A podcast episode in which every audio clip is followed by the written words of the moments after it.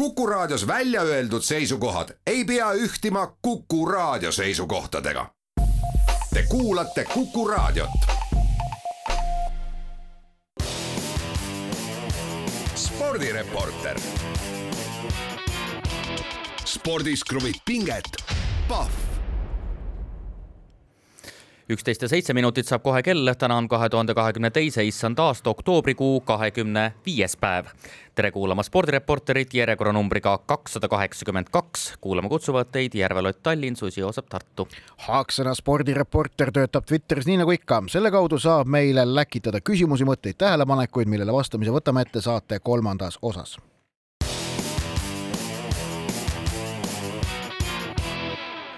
aga alustame spordireporteri saadet nagu ikka kiirete ja aktuaalsete teemadega ning Eesti spordis ei ole hetkel aktuaalsemat teemat Ott Tänaku tulevikust.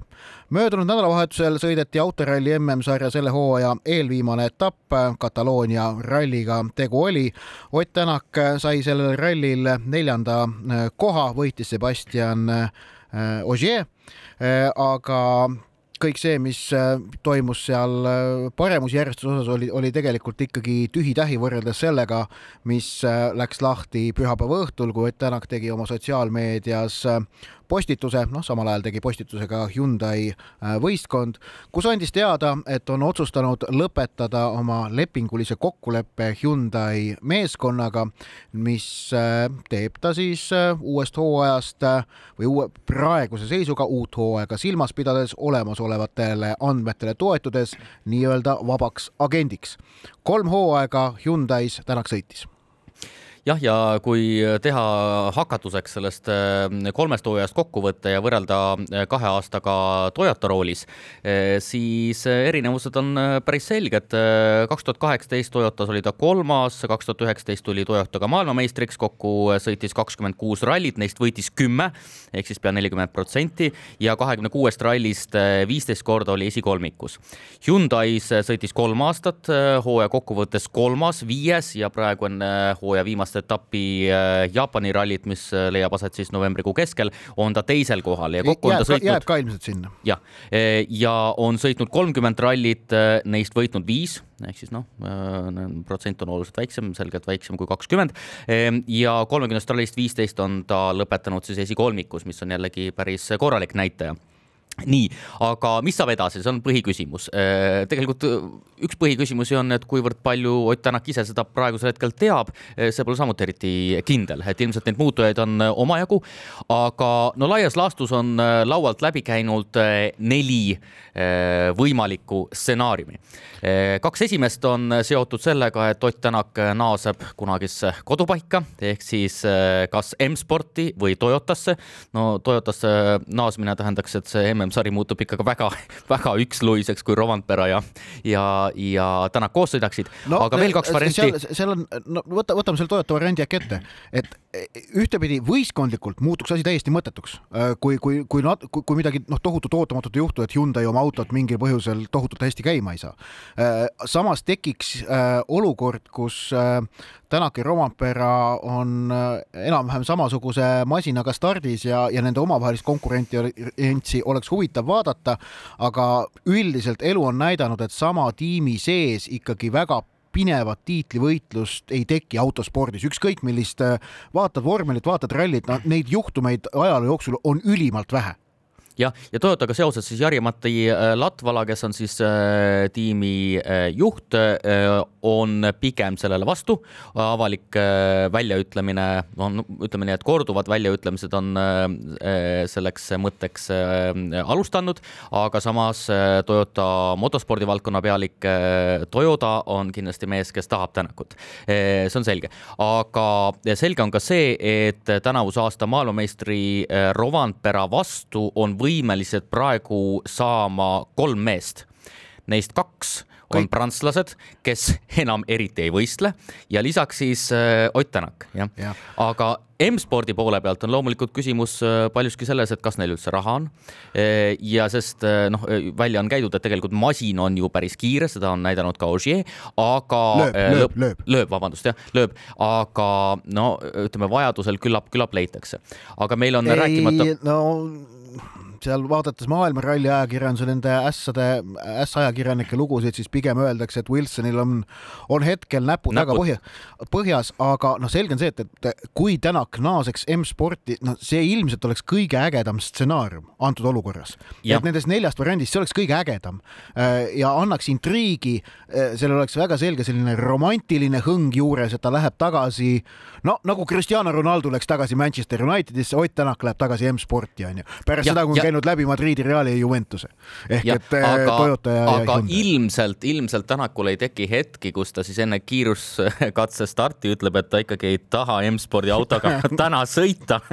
Ja, nagu, nagu Ronaldo'l juhtus eelmine nädal jah, seda küll, aga, aga, aga, aga veel kaks varianti, jah, et äh, tõsiselt on üleval variant, et Ott Tänak lõpetab karjääri ja sellega seoses variant, et kui ta näiteks M-spordi või Toyotaga ei tee täishooaega kaasa, neljas variant, et sõidab nii-öelda vähendatud graafikuga, teeb kaasa mõnel rallil, mismoodi siis täpsemalt ei ei tea, aga see lõpetamise eh, küsimus on kindlasti õhus ja neid põhjuseid on, eh, on eh, omajagu jah, ning noh, ütleme nendest kahest viimasest variandist hübriid on siis midagi vaheaastalaadset. tõsi, tippspordis säärseid asju pigem ei ole tehtud aga... tippspordis on loomulikult palju, aga ei ole tehtud öö, äh, otseselt autorallis niivõrd palju jah ja. ja., noh, kuigi me oleme aga, aga, näinud, aga, täit... näinud, et Ogier ja lööbi puhul, et ega, ega see äh, sõiduoskus ei kao kuhugi. aga täitsa välistada ei, ei saa seal äh, midagi ähm,. ning need variandid on, on kõik äh, praeguse seisuga olemasolevate andmete põhjal laual. võib-olla on tegelikult juba täpselt teada, mida Tänak kaks tuhat kakskümmend kolm teeb, aga sel juhul teab seda ainult tema ise ja äh, või tema võimalik äh, lepingupartner, kui tal säärane asi kahe tuhande kahekümne kolmandaks aastaks praeguse seisuga olemas on. kõik muu ja, on sest..., on spekulatsioon jah, eh, aga üks näib olevat eh, ikkagi võrdlemisi selge, et kui Ott Tänak naaseb Toyotasse, siis eh, suure tõenäosusega Toyota tahab seda teatavaks teha Jaapani rallil. see on kümme kuni kolmteist november ja see on loogiline, sest et see on Toyotale koduralli, mida nad on pikalt oodanud ähm,. nii äh,, aga nendest äh, nendest neljast äh, stsenaariumist äh, jah, nagu sai öeldud, äh, ei, ei saa olla kindel mitte milleski. Ning miks on spekuleerimine keeruline neid klotse, millest see pusle koosneb autoralli MM-sarjas, on väga vähe meil, kui vormelis on kümme võistkonda ja kakskümmend pilooti ning kui seal mingid liikumised juhtuma hakkavad, siis on võimalik kaudsete tõendite põhjal panna paika, et, et kes kuhu on ilmselt minemas. autorallis on kaks ja pool tiimi, neli ja pool sõitjat ning, ning selle põhjal on väga keeruline. küll aga oleks nüüd huvitav veel selle teema lõpetuseks natukene spekuleerida teemal, mis ei ole seotud siis äh, nende nelja variandiga niivõrd otseselt, natukene küll, mis juhtuks Eesti spordis, kui Ott Tänak lõpetab rallisõitja karjääri, kuidas see Eesti sporti muudaks? Ehm, no kindlasti äh, paljud teised spordialad saavad äh, märgatavalt rohkem tähelepanu, sest tegelikult äh, viimased ütleks kuus aastat. Ehm, no tuleb ikkagi meelde Kaja Kallase väljaütlemine, et kuule, meil on nii tähtsad asjad siin Eestis toimumas, aset leidmas praegu, et äh, kõikide portaalide esiuudis on ikkagi Ott Tänak ja viimase kiiruskatse tulemus. hashtag et, jälle ralli. jah, et ähm, no kindlasti see spordipilt tervikuna, mis äh, ka spordimeediat äh, arvestades vastu vaatab, siis see muutuks radikaalselt, jah. Kas Rally Estonia jätkuks? Sellisel mm. kujul MM-sarja, MM-sarja etapina. kas oleks äh, Eesti riigil motivatsiooni seda äh, edasi, edasi toetada ja kas äh, Eesti fännid, rallifännid leiaksid jätkuvalt samas, sama, sama suures hulgas tee sinna ralli, rallile? Sama suures hulgas kindlasti mitte, aga ma arvan, et äh, Eestimaa ralli on äh, piisavalt äh, noh, läbimõeldud üritus ja on näidanud oma korraldusega sellist kvaliteeti, et, et ma arvan, et ta ei ole kinni üksnes ühes isikus. tõsi, selleks, et Eestimaa ralli või Rally Estonia sellisesse positsiooni sai jõuda, selleks loomulikult on olnud Ott Tänaku persoon üliolulisel kandval kohal isegi.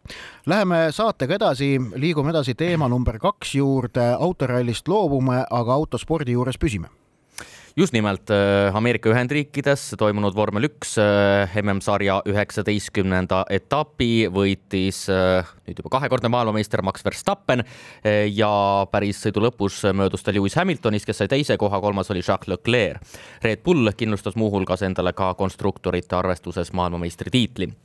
Tähelepanuväärne oli Texases toimunud etapil aga ka noh, nimetaksin seda siis vastuvõtu tasandiks. Ehm, ilmselgelt on vahepealne muster, eh, mis seisnes vormel ühe populaarsuse languses Ameerika Ühendriikides ja allajäämises teistele tehnikaspordialadele eh, te, tehnikaspordiüritustele eh, pea peale pööratud. see muster enam ei kehti, aset on leidnud plahvatuslik populaarsuse tõus ja seda arvestades nii pealtvaatajate hulka, kes kohapeal on, kui ka teleauditooriumi ja no pealtvaatajate hulk äh, Austinis, Texas osariigis toimunud võistlusel oli ikkagi meeletu. Äh, kolmepäevalist nädalavahetust külastas nelisada nelikümmend tuhat pealtvaatajat. mis pole päris rekord, üheksakümmend viis Austraalia on viissada tuhat nelja päeva peale. ahaa, okei okay., äh, siin öeldakse küll, et et äh, on rekord, mul, ma kuskil nägin juttu. see on aga, no, Ameerika Ühendriikide rekord, jah okay.. aga, aga ikkagi see on, see on väga muljetavaldav number ning äh, vormel üht äh, kajastavad äriajakirjanikud on toonud välja, et see on kahesaja, kakssada tuhat inimest rohkem kui veel neli aastat tagasi sedasama võistlust Texases vaatamas käis. ehk et kasv on olnud meeletu ning ühtlasi F1 viis eelmisel aastal, kui Texase Grand Prix külastas nelisada tuhat inimest, läbi külastajate seas ka küsitluse, kust sai teada et, et seitsekümmend protsenti publikust tulid äh, vormel üks võistlust vaatama esimest korda. Ehk et nad on nii-öelda uued fännid, need, kes äh, need, need, kellel varem otsest kokkupuudet vormel ühega pole olnud. Ning, äh, ning samuti tuuakse välja, et see on ikkagi väga otseselt seotud vormel ühe omaniku kahe tuhande kuueteistkümnendal aastal selle MM-sarja Bernie Ecclestone'i ja teiste endiste omanike käest välja ostnud Liberty Media strateegiaga. Äh, me oleme siin ka spordireporteri saates korduvalt Drive to Survive Netflixi seriaalist ja selle olulisusest F1-le rääkinud, aga, aga see pole ainukene samm, mida tehti. näiteks äh, lubati võistkondadel hakata palju vabamalt kasutama sotsiaalmeedias võidusõidust fragmente ja, ja kõik see kokkuvõttes on, on siis olnud strateegia strateegia selline noh, tüvi on olnud äh, sisu äh, edastamine, sisu tootmine ehk et on pandud ja tekitatud vormel ühe kohta üha rohkem ja rohkem lugusid ning seeläbi on vormel üks ka muutunud populaarsemaks ja see näitab teed tegelikult äh, tippspordile igal pool maailmas ja mitte ainult tipptasemel, rahvusvahelisel tasemel, vaid ka muudel tasanditel. tuleb rääkida see... lugusid jah, see Netflixi seriaal on äh, üks selline pidepunkt, mis kindlasti mängib rolli, et tõesti äh, me näeme Netflixis äh, väga lihtsalt väga põnevat sellist vormeliteemalist noh, võiks öelda noh, filmi siis jah. aga neid põhjuseid tuuakse väga palju teisigi, üks on tõesti, mis sa räägid, selline üldine hoiak või üldine selline turunduslik küsimus, et kuidas jagada, kuidas olla nähtav, kuidas lugusid jutustada, aga teiseks mul on tunne, et ka Ameerika Ühendriikide spordipublik on olnud vormel ühe puhul fookus tegevuses ja öö, üritatakse ka otseselt suunata ühesõnaga päris selgelt võet-, võtta adressaadiks just nimelt Ameerika Ühendriikide spordipublik, vaadates äh, nii äh, seda, et tuleval aastal kahe vormel üks sarja etapi asemel Ameerika Ühendriikides kolm, lisaks Miami'le ja Austinile ka Las Vegas aasta lõpus. Ehm, aga ka see, mis leiab aset võistluste eel näiteks, et paljud ju ehm, sellised kuulsad autosportlased enne Austini etappi osalesid siis vabatreeningul, jah, paljud hoopis IndyCari sõitjad näiteks näiteks äh, ja nii edasi, nii et neid, neid pidepunkte, kuidas just nimelt Ameerika Ühendriike üritatakse nii-öelda enda käpa alla saada, on, on päris palju ja tegelikult kui vaadata üldse, kus äh, võistlustel, kus need võistlused toimuvad, siis ikkagi ütleme, selline suure rahva hulgaga äh, paikades ikkagi noh, me peame ja. sõitma Meksik-, Mexico City's, muud varianti ei ole, jah. aga küsimus ongi, et kas vormel ühe selline strateegia strateegia võiks olla eh, noh, selline eeskuju paljudele teistele spordialadele. jah, kindlasti. õppetund ongi, et võistlus üksinda, isegi kui ta on väga hea ja kvaliteetne ja haarav, ei äh, ole argument äh, ja ei, ja ei, ja ei vii edule, ma peame silmas siis populaarsust ja kommertsedu, vaid selle jaoks, et see äge võistlus ka oleks kommertslikult äh, edukas, on vaja, et selle võistluse kohta räägitakse, see võistlus ise räägiks haaravaid lugusid. Ja üha sagedamini me näeme praegu äh, spordimaailmas, et nende lugude tootmise eest peab äh, hoolitsema selle võistluse korraldaja ise. Ja, ja see kehtib tegelikult samamoodi mitte ainult just nimelt vormel üks tasandil, vaid ka noh, suvalise pallimängu Eesti meistrivõistluste tasandil jah, aga e, üks nõks veel, mida vormel üks minu arvates väga hästi on ära kas kasutanud ja tegelikult ka, kui me vaatame Inglismaa jalgpalli kõrgliigat on ju, Tottenham tegi selle dokumentaalfilmi kohe, kõik teised teevad ka on ju. jah, et e, ja no Tottenham ei olnud ka esimene muidugi, aga et e, noh, natukene poetada seda noh, kardinat, näidata neid telgitaguseid natukene, ütleme sellist tõesti jätta see saladus õhku, aga natukene näidata seda saladust, et mis seal siseruumis, mis seal riietusruumis toimub, mis need omavahelised vestlused on ja nii edasi ja need on need väikesed lood, mis, eh, mis mõjuvad. Läheme edasi, teema number kolm ning räägime Venemaa eh, küsimusest maailma tippspordis seoses sellega, et Toomas Bach, Rahvusvahelise Olümpiakomitee president, äh, igatpidi näitab, kuivõrd tõrges ta on Venemaa suhtes äh, rangeid meetmeid rakendama. möödunud nädala jooksul Ukraina sportlased võtsid väga otsekoheselt sel teemal sõna ning ma usun, et need sõnavõtud, mis, mis tulid, on vajalikud ja, ja olid väga vajalikud ja nende võimendamine maailmas on oluline, et äh, asjalik sõnum ja mõistlik seisukoht äh, jõuaks enamate inimesteni ja loodetavasti pääseks lõpuks ka maksusele. Ukraina skeletonisõitja Vladislav Heraskevitš rõhutas, et äh, need, kes äh, alustasid äh, ja vii-, viisid läbi Ukrainas genotsiidi ukrainlaste suhtes, on Vene inimesed, mitte, on Venemaa inimesed, mitte Vladimir Putin. ning, äh, ning Tallinnas äh, Euroopa kergejõustiku auhindade galal viibinud Ukraina kõrgushüppaja Jaros, Jaroslava Mahutših andis Eesti ajakirjanikele intervjuu, kus, kus ütles ka väga otseselt ja, ja väga õigesti Venemaa inimesed äh,, äh tähendab, Bach ütles, tsiteerin nüüd, Bach ütles, et Venemaa inimesed ja sportlased ei alustanud sõda ja sanktsioneerida tuleks ainult neid, kes on sõjas süüdi. mina nii ei arva, sest venelased on tegelikult juba üle kahekümne aasta Putinit toetanud ja pole selle vastu midagi, midagi ette võtnud. Need on väga õiged sõnad ja neid on vaja võimendada jah äh,, nagu me siin paar nädalat tagasi juba ütlesime, et ilmselgelt see tennisevaldkond, tenniseväli ei jää ainsaks, et need äh, sellised juhtumid, kus üritatakse neid sanktsioone hakata järk-järgult lõdvendama äh,, saab olema äh, päris omajagu ja noh, loomulikult noh, Toomas Pachi me äh, teame, et tema käitumismustrid on, on väga selgelt välja joonistunud. see on selge, aga ma tooksin kaks sellist äh, ikkagi eristust või eristaksin kaks äh, pidepunkti. esiteks, et, et tõesti sportlaselt äh, nõuda äh, otseselt Äh, nii-öelda Putini režiimile vastuhakkamist, seda ei saa, aga tuleb kindlasti arvestada, et sportlane, olgu ta nii-öelda Rahvusvahelise Olümpiakomitee lipu all või siis konkreetselt Vene lipu all, ikkagi esindab Venemaad, ähm, esindab äh, ka vene rahvast ja kaude äh, põlistab sellist rahvuslikku identiteeti, uhkustunnet ja on seotud ikkagi sellega, mida Venemaa ka rahvusvahelises poliitikas väga palju kasutanud, sporti kui poliitilist relva. Nii et eh, keelata keelata sportlase esinemine on kindlasti õigustatud ja seda tulebki teha, aga teiselt poolt öelda, et ta kindlasti peab, peab, peab sõna miks, võtma. miks, miks sportlane on mingisugune teistsugune tegelane kui muu Venemaa kodanik, ehk et noh, olukord ongi see, et kui Venemaa inimesed, Venemaa kodanikud ei nõua ja ei hakka Putinile vastu, siis tulebki neid sanktsioneerida, see on nende kohustus praegu vastu hakata sellele äh, kuritegelikule režiimile. Äh, no oleks jah tore, kui nad seda teeksid, ma arvan, et äh, igalt äh, üksikisikult seda, seda nõuda, et ta peab üksipäini barrikaadidele minema, see on, see on natukene paljune, aga, aga see on ka natuke teine küsimus, pigem praegusel hetkel põhiküsimus on ikkagi selles, et kuidas rahvusvahelisel sport saaks jõuda üksmeelele ja jõuaks arusaamisele, et Vene ja Valgevene sportlased rahvusvahelises spordielus praegusel hetkel kaasa lüüa ei tohi. ja neile peab järgnema ka pikk pikk ja tuntav karistus pärast sõja lõppu. täpselt nii nagu Natsi-Saksamaale pärast teist maailmasõda neljas teema, Berliinis toimus hooaja esimene lühiraja ujumise maailmakarika etapp, Gregor Zirk pääses kolmel distantsil finaali, nelisada meetrit vabalt ujumist, kakssada meetrit libliku ujumist, seal oli ta kuues ja kahesaja meetri vabalt ujumises oli Zirk seitsmes. aga eh, tänavu ta rohkem maailmakarika etappidel kaasa ei tee, nimelt eh, lisaks Berliinile toimub veel ainult kaks etappi, need on Kanadas ja USA-s ja lisaks sellele võeti ka rahvusvahelises ujumisliigas vaheaasta, nii et äh, see kalender on võrdlemisi segane ja tulebki välja, et Berliini maailmakarika etapp on äh, Sirgi hooaja äh, kulgu vaadates päris olulisel kohal ja, aga no lühiraja maailmameistrivõistlused Melbourne'is detsembri keskel ootavad ikkagi ka ees, tõsi, Eneli Jefimova nendest loobus, aga tsirk minu andmetel peaks seal võistlema.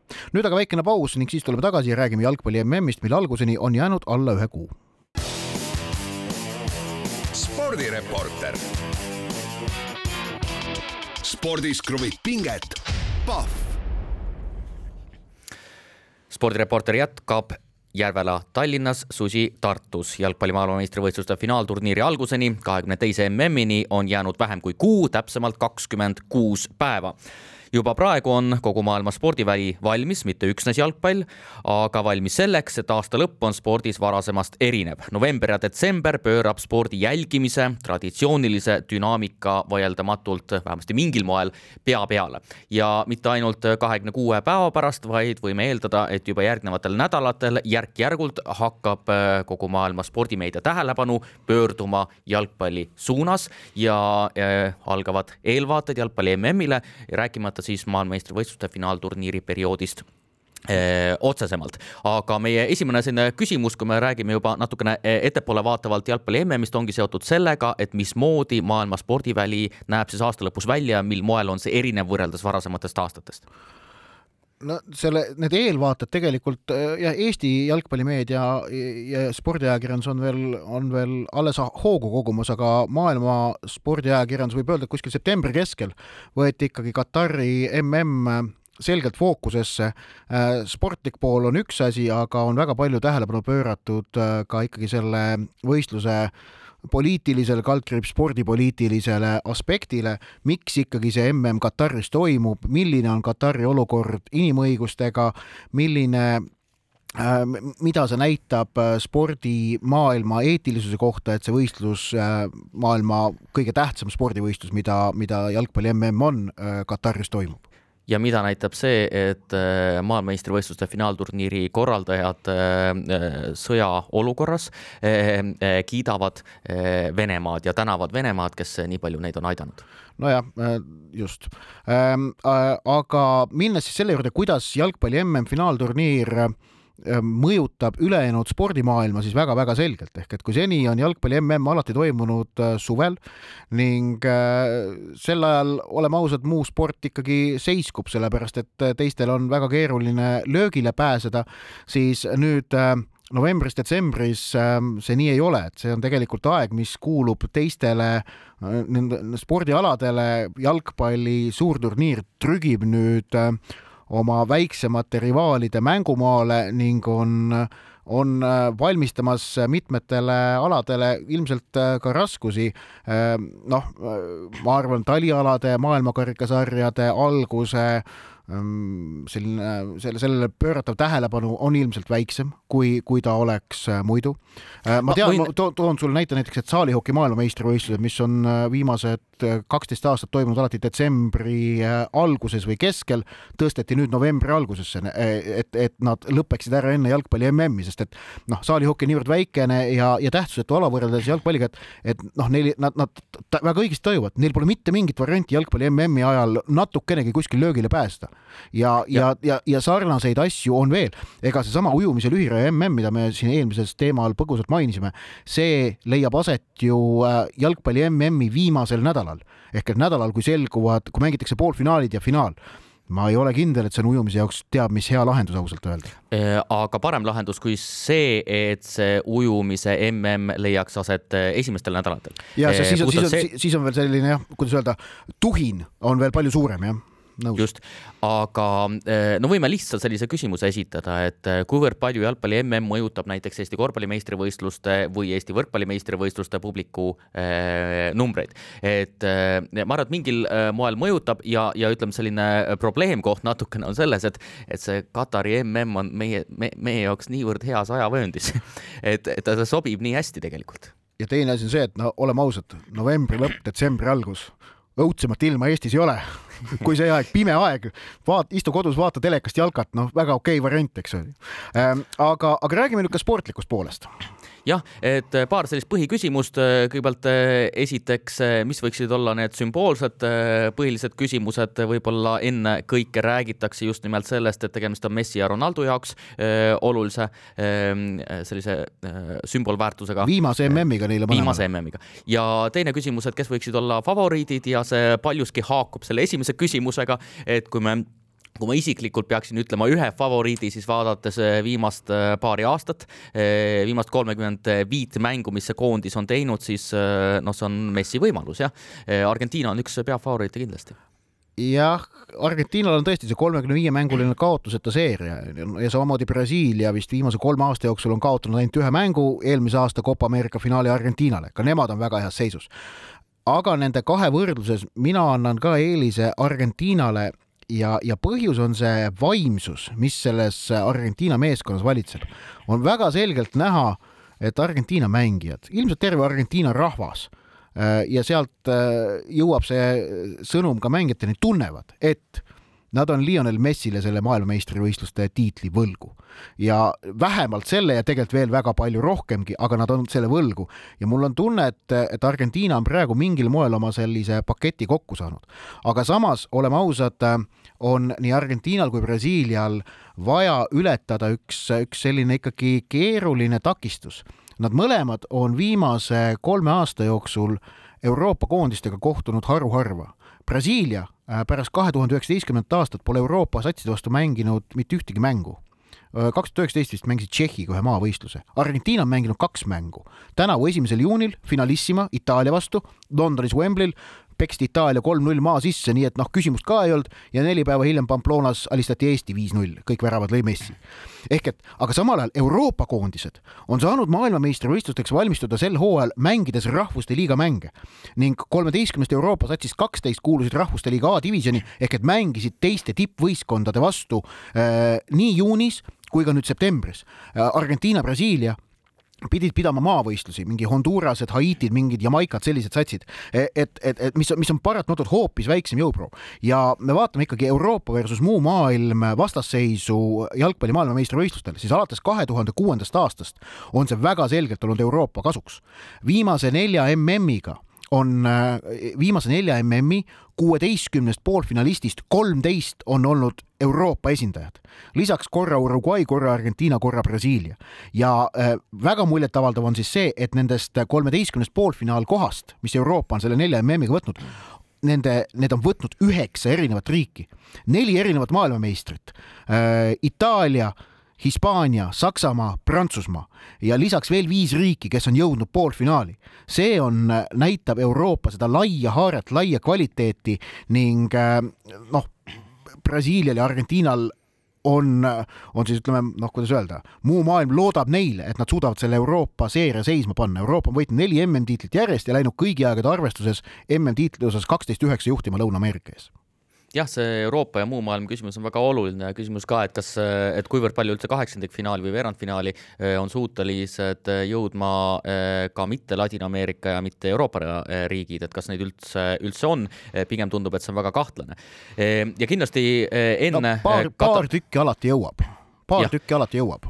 nojah, tavaliselt üks Aasiast, üks Aafrikast näiteks, jah midagi sellist võib juhtuda. ameeriklased on, on äh, mängus seekord. jah, aga äh, no kindlasti järgnevatel nädalatel, äh, mis tuleb kindlasti fookusesse, on see, millest paljuski Ott ka alustas, ehk siis küsimus, et mm toimub Kataris, missugustes tingimustes aset leiab ja missugune tegelikult selline organisatoorne taustsüsteem üldse hakkab välja nägema ja missugune on see olnud, nii et need on kindlasti võib-olla need pidepunktid, millele tuleb rõhutada ja missugune näiteks noh, kogu see, kogu see atmosfäär seal on, et see, see kindlasti on midagi muud kui tavaliselt. ja, ja ma arvan, et see pälvib ka tavapärasest rohkem tähelepanu ning, ning, ning sellest noh, räägitakse ja kirjutatakse MM-i ajal põhjalikult. aga korraks veel favoriitidest ka ikkagi, et me Argentiiniat ja Brasiiliat mainisime, aga, aga vaatasin ka kihlveokontorite koefitsiente ja nemad teevad soosikuks number üks Brasiilia ning neile järgnevad võrdsete võimalustega Argentiina ja Prantsusmaa.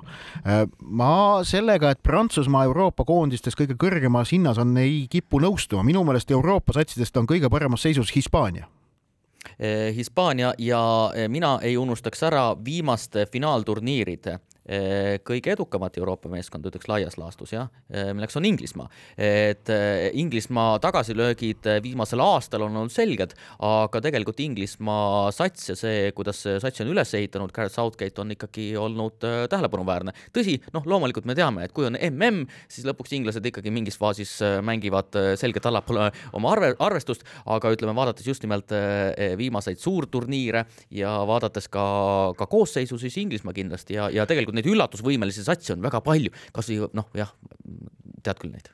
nojah, just, teeme väikese pausi. spordireporter. spordis kruvib pinget, Pahv. spordireporter jätkab Joosep Susi jätkuvalt Kuku raadio Tartu, mina Ott Järvela Tallinna stuudios ning võtame ette kuulajatelt laekunud küsimused, nagu meil ikka saate kolmandas osas kombeks on. jalgpallist ja põgusalt ka Cristiano Ronaldost eelmises saate osas rääkisime ning teda puudutava küsimusega teist saate, kolmandat saateosa ka alustame. Kristjan tahab teada. laupäeval keeldus kõigi aegade üks paremaid jalgpallureid Cristiano Ronaldo, see ei olnud laupäeval, see oli kolmapäeval, ma parandan Kristjanit, kohtumisest Tottenhamiga, kui Manchester United kaks-null juhtis, mängu lõpus väljakule minemast ja lahkus platsi äärest. midagi sarnast juhtus mõnda aega tagasi ka äh, Londoni Chelsea'ga, aga vastupidi, väravaht Kepa ei olnud nõus platsilt ära tulema. kas selliseid juhtumeid esineb sageli ja kuidas neisse suhtuda? mis aga veel olulisem, mis te arvate, kas selline käitumine mõjutab kuidagi arusaama Ronaldost, tema pärandit ja tema renomeed? no laias laastus äh, teema pärandit äh, ilmselgelt sellised äh, seigad ei mõjuta, aga võiks küsida pigem niipidi, et kui tänavune hooaeg on olnud Cristiano Ronaldole ikkagi väga halb, jah, et polegi platsile saanud eriti palju, väravaid pole tulnud ja nii edasi ja, ja pigem on jutt olnud rohkem sellest, et soovib lahkuda ja pole rahul ja nõnda edasi. E,, siis küsimus võiks olla, et kas üldse maailma tipptiimid noh, kas leiduks selliseid tipptiime, kes üldse Ronaldot oma koosseisu tahaks, ehk siis äh, tema ikkagi agendil on väga-väga keeruline töö praegu leida äh, sobiv äh, kosilane.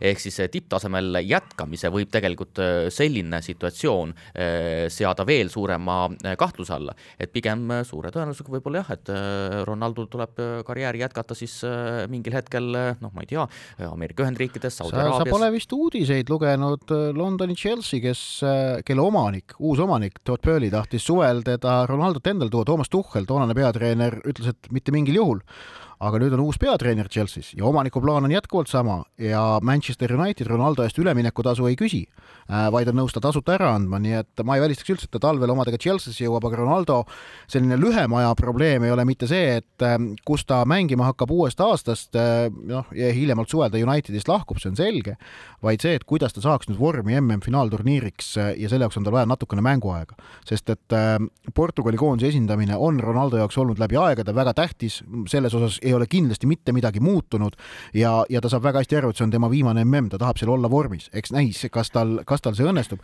mis aga puudutas Ronaldo pärandit, siis ma arvan, et see, see vahejuhtum Ronaldo pärandit kinnistab ja isegi võib öelda, et tugevdab, sellepärast et säärane käitumine on ju väga Ronaldolik oleme ausad. no ta, ta, ei no aga, aga Ronaldo'l selline... on samal ajal eh, ka see teine eh, renomee külg, et ta on selline musternäide sellisest eeskujulikust sportlasest, kes eh, tõesti ei tee ühtegi eh, noh, allahindlust eh, seotud ja, seoses enda. mis puudutab trenni ja töömoraali, sellest on jah, sada protsenti, aga see, et ta on tujukas, see ei ole ju tegelikult ikkagi midagi uut, see on, see on, see on teda saatnud läbi karjääri ja ta on pannud kõik sellega leppima, sellepärast et ta on fenomenaalne sportlane, üks kahest kaasaja maailma parimast jalgpallurist ja ma, ma ütleme see Ronaldo küsimuse äh, osas, et äh, esiteks äh, praegu tundub ikkagi tõenäosem, mulle tundub, et ikkagi hooaja keskel Ronaldo võiks lahkuda. seda Chelsea osa, no ma ikkagi väga selgelt kahtlen selles, aga, aga eks ole näha. Ralf on esitanud küsimuse, keda peate tänavuse NBA hooaja favoriidiks? sinust palju küsimusi ei ole. nii? Golden State. on nii või mm.? ma ütlen sulle ausalt, mul pole õrnematki aimu Ehm, ja sellepärast tegin lahti kihlveokontorite saidid ning seal vaatab mulle vastu olukord. ma saan aru, et sul juba olid need lahti. ei, ei, ma nüüd tegin, nüüd tegin NBA jaotusi, seal vaatab vastu mulle Boston Celtics, Golden State Warriors, Milwaukee Bucks, kõigi tiitlišansse hinnatakse võrdselt. väikene vahe siis Los Angeles Clippers ja siis Brooklyn Nets. ma ei saa aru, kus on Lakers, kus on, kus on Chicago Bulls, kus on Orlando Magic. Phoenix Suns jah, kas Jason äh, Keed on Phoenix lõpetanud? muidugi eelmisel aastal tegi äh, üllatava äh, põhihooaja jah, aga kas, no mulle tundub ikkagi, et. kas Jason Keed on lõpetanud, kas Benny Hardaway ei mängigi enam Magicus? Tim Duncan ka mitte. Läheme edasi. jah, vabandust. Golden State võidab. selge. nii, teema või küsimus number kolm tuleb Kaarlilt ja tahab teada, kas Margus Hunt peab veel NFL-is mõne mängu või on ta karjäär läbi? Sina NFL-i jälgija, ma saan aru, et lähiajal peaks äh, olema pilt natukene selgem. no, no nii palju, kui kuulda on, Margus Hunt teeb trenni ja hoiab ennast äh, vormis, äh, et kui tuleb kutse, siis saaks ta mõnele võistkonnale appi minna.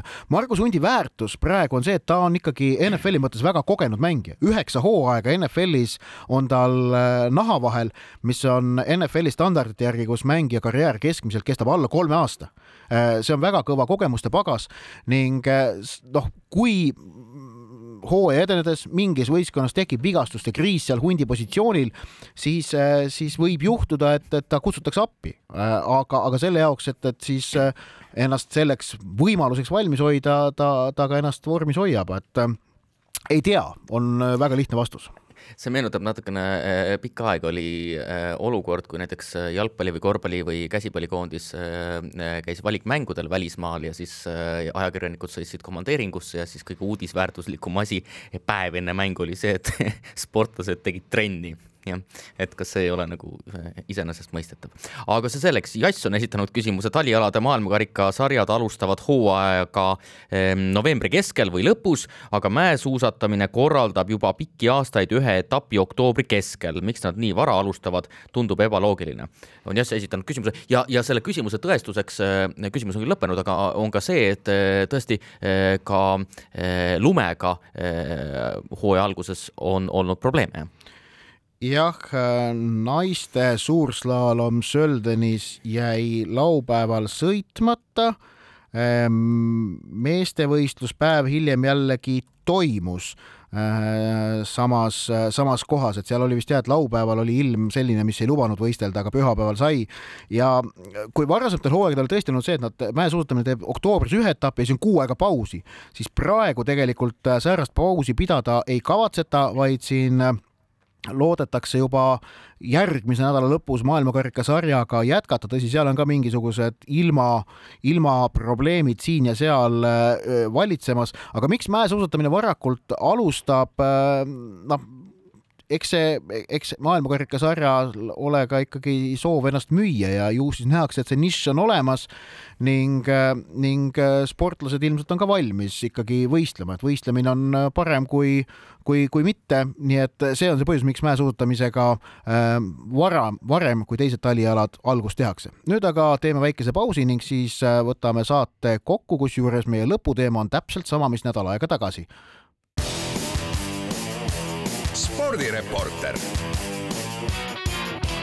spordis kruvib pinget, Pahv spordireporter alustab oma lõpusirgega ning räägime eesti keele ja Eesti spordi kokkupuudetest ja sellest, kuidas peaks Eesti spordikeelt arendama, kuhu suunas seda võiks, võiks ja peaks arendama ja kus kohas seda tingimata arendada vaja ei ole. me rääkisime sel teemal ka nädal aega tagasi Spordireporteri saates ning tolle, tolle saate järel sain tagasisidet ühelt korvpalliinimeselt, kes, kes tõi välja mõned huvitavad asjaolud sellest, kuidas Eesti korvpallis asju nähakse ja, ja neid pean vajalikuks siinkohal jagada ja selle pealt me siis Joosepiga hakkame edasi oma äh, mõtteid arendama. Ähm, mulle, mulle, mulle räägiti, et noorte korvpall on täiesti teadlikult võtnud väga selgelt suuna, kus treeningtöös Eestis, Eesti, Eesti noorte korvpalluritega kasutatakse inglisekeelseid väljendeid. eesmärk on, et kõik oleks üheselt arusaadav ja mängija saaks minna siis järgmisele tasemele, ilmselt kuskile välismaale, kui ta peaks selleks äh, võimeline olema, äh, il-, äh, üle ilma, et ta peaks oskussõnavara uuesti õppima. ja, ja samuti, et probleemina nähakse seda, et, et kui alaharrastajad ja ajakirjandus kasutavad samade asjade kohta erinevaid sõnu see, see oli üks, üks mõte, mis sealt tuli ning, ning kui ma vaidlesin vastu talle, et, et ikkagi noh, korvpall on kindlasti Eestis niivõrd suur ja suure ajalooga mäng ja, ja akadeemilise pärandiga mäng, mis peaks suutma ennast eesti keeles äh, korraldada ning äh, selle üle ka uhkust tundma ja seeläbi tegelikult ka, ka eeliseid saavutama, siis, siis, äh, siis mulle vastati, et, et inglisekeelsete terminite kasutamine just tõstab võimalust edu saavutada vähemalt individuaalsel tasemel. et eh, inglise keel on korvpallikeel, kõik saavad ühtemoodi aru, millest räägitakse ja et kui Eesti poiss läheb välisklubisse, siis saab ta asjale kohe pihta vot, säärane oli jutt ühelt korvpalliinimeselt. minu vastuargument oli see, et, et et, et, et ikkagi noh, kui, kui spordiala eesti keelega vaeva näha, siis see suurendab äh, kogukonnaga vastavat sisemist energiat ja, ja tahet teemaga äh, haakuda. Ma ise arvan, et ja ütlesin ka, et inglise keelestumine pärsib Eesti korvpalli võimalusi edu saavutada, sest see kahandab eristumist, mis äh,, mis, mis on äh, seda tähtsam, mida väiksem on riik, ehk et teisi kopeerides ju kuskile tippu ei jõua, tuleb ikkagi teha midagi paremini ja teistmoodi ning minnes täiesti üle inglisekeelsesse keeleruumi, ma ei usu, et see Eesti korvpallile tunduks nagu kuidagi hea või loogilise sammuna no ma alustaksin sellest, et kõnekeeles täpsema ja kiirema näiteks slängi leidmine on igati loomulik, minu arvates mitte midagi taunimisväärset, et äh, kui arst ei saa hakata ka operatsiooni ajal keelekasutusele mõtlema, valib lihtsalt äh, kõige ähm, harjumuspärasema äh, sõna, termini, mõiste, ähm, mis on vaja, et jõuda, jõuda tulemuseni. aga ma, ma ütlen selle ka, et, et see nüüd ei ole siin korvpalli kallal tegelikult äh, kuidagi võtmine või, või nende, nende kritiseerimine, vaid eesmärk on noh, nende näitel lihtsalt praegu teoreetiliselt arutada, et mis äh, oleks äh, analoogsetes olukordades mõistlik, äh, mõistlik tegevu- te,, tegutsemine jah, ja ma olen sinuga selles osas nõus, et minu arvates äh, ka nendele terminoloogilistele küsimustele tuleks äh, ka spordialaliitudele mõelda võimalikult palju, et äh, kindlasti see, et mõni termin läheb kasutusse, see on esiteks, võtab aega ja, ja teiseks see enamasti ei, ei tule ühe või teise treeneri keelekasutusest, nii et kindlasti terminoloogilistele küsimustele tuleks mõelda ja ma olen nõus ka sellele, sellega, et see tegelikult tegelikult äh, on seotud selle spordiala identiteediga, aga ka natukene laiemalt äh, ühiskondlike küsimustega, mis on väga olulised. Äh, jah, aga ma olen teiselt poolt selline noh, Jaan Kaplinski austaja, kes ma olen ka paljude tema keele filosoofilistele arvamustele valmis alla kirjutama ja minu arvates ka nui neljaks selliseid totraid vasteid leida ei ole ka mõtet, et noh, ma ikkagi eelistaks kasutada arvuti, mitte raal, aga see on hoopis nagu teine küsimus. aga samas sõelmängud on ju hea leiutis. jah, mulle ka meeldib ja, ja minu arvates see sporditerminoloogiliselt ongi mure, mida ma ka eelmisel nädalal ütlesin, et et seda üritatakse teha kuidagi spetsialistide või ekspertide abita. et tegelikult siin tuleks ikkagi koostööd teha, nii erialainimesed kui ka e, inimesed, kes on e, nii-öelda lingvis-, lingvistilise poole pealt pädevad, et tihtilugu näiteks terminite või vastete, eestikeelsete vastete leidmisel üritatakse leida selline kirjeldav sõna, mis annabki selle nii-öelda eh, nähtuse olemust kõige paremini edasi, aga noh, tihtilugu pole see absoluutselt vajalik. et eh, valdav osa sporditermineid ei ütle selle, selle, selle eh, asja kohta absoluutselt mitte midagi, noh, et me siin oleme vaielnud, kas suluseis ikkagi ütleb näiteks suluseisu kohta midagi, no natukene ütleb, aga, aga, aga mitte eriti palju. nii et see pole ka kõige olulisem, aga kindlasti oluline on, on, on mõelda sellele keelekasutusele ja mina isegi ütleks, et võiks teha teha sellise väikese üleskutse siin, et ehm, Eh, kõikide spordialade eh, huvilised võiksid korjata kokku terminid, eh, mis vajaksid eestikeelset vastet. Ja siis hakata edasi vaatama, et meil oleks ikkagi mõned üksikud spordialad või mõne üksiku spordiala terminoloogiaga on tegeletud oskussõnavaraga, aga, aga väga vähestega, aga paljud sellised spordialad nagu freestyle, suusatamine ja nii edasi, ühesõnaga neid spordialasid on palju, et, et võib-olla korjaks kokku ja saakski hakata laiemalt vaatama, et mis need terminid eesti keeles üldse on, Eesti spordiväljal on, millele tuleb tuleks hakata vasteid äh, mõtlema ja, ja millele ei tuleks näiteks. ja, ja miks seda on vaja teha, siis see ei ole põhjus, et mingid õpetajad, professorid või, või, või keeletaadid või instituudid nõuavad, et asi peab olema niimoodi või kuskil tulevad, tulevad käsulauad, vaid tegelikult selle eestikeelse spordi mõtlemise arendamine tuleb nendele spordialadele endile kasuks läbi sellise, noh, see virgastab, see, see paneb mõtted liikuma, see, see toob uusi tuuli, uusi nüansse ning, ning, ning, ning see on, sellepärast on see spordialadele endile kahtlemata kasulik jah, aga eh, mina ikkagi tuleksin selle üleskutse juurde tagasi, et Ott Järvala meilile eh, võib siis eh, saata kõik, kõik, kõik need mõtted ja, ja või, või edasi, aga... Twitteris Haaksõna spordireporter töötab, sinna saab kõik postitada, mis me võtame, võtame sealt, korjame sealt ka ülesse, kui, kui sinna kaudu need tulevad, võib ka kirjad, huvid teele panna Kuku raadio suunas ja, ja need võetakse siin vastu, ma tean, siin on kenasti rõdu olemas, maandumisplats.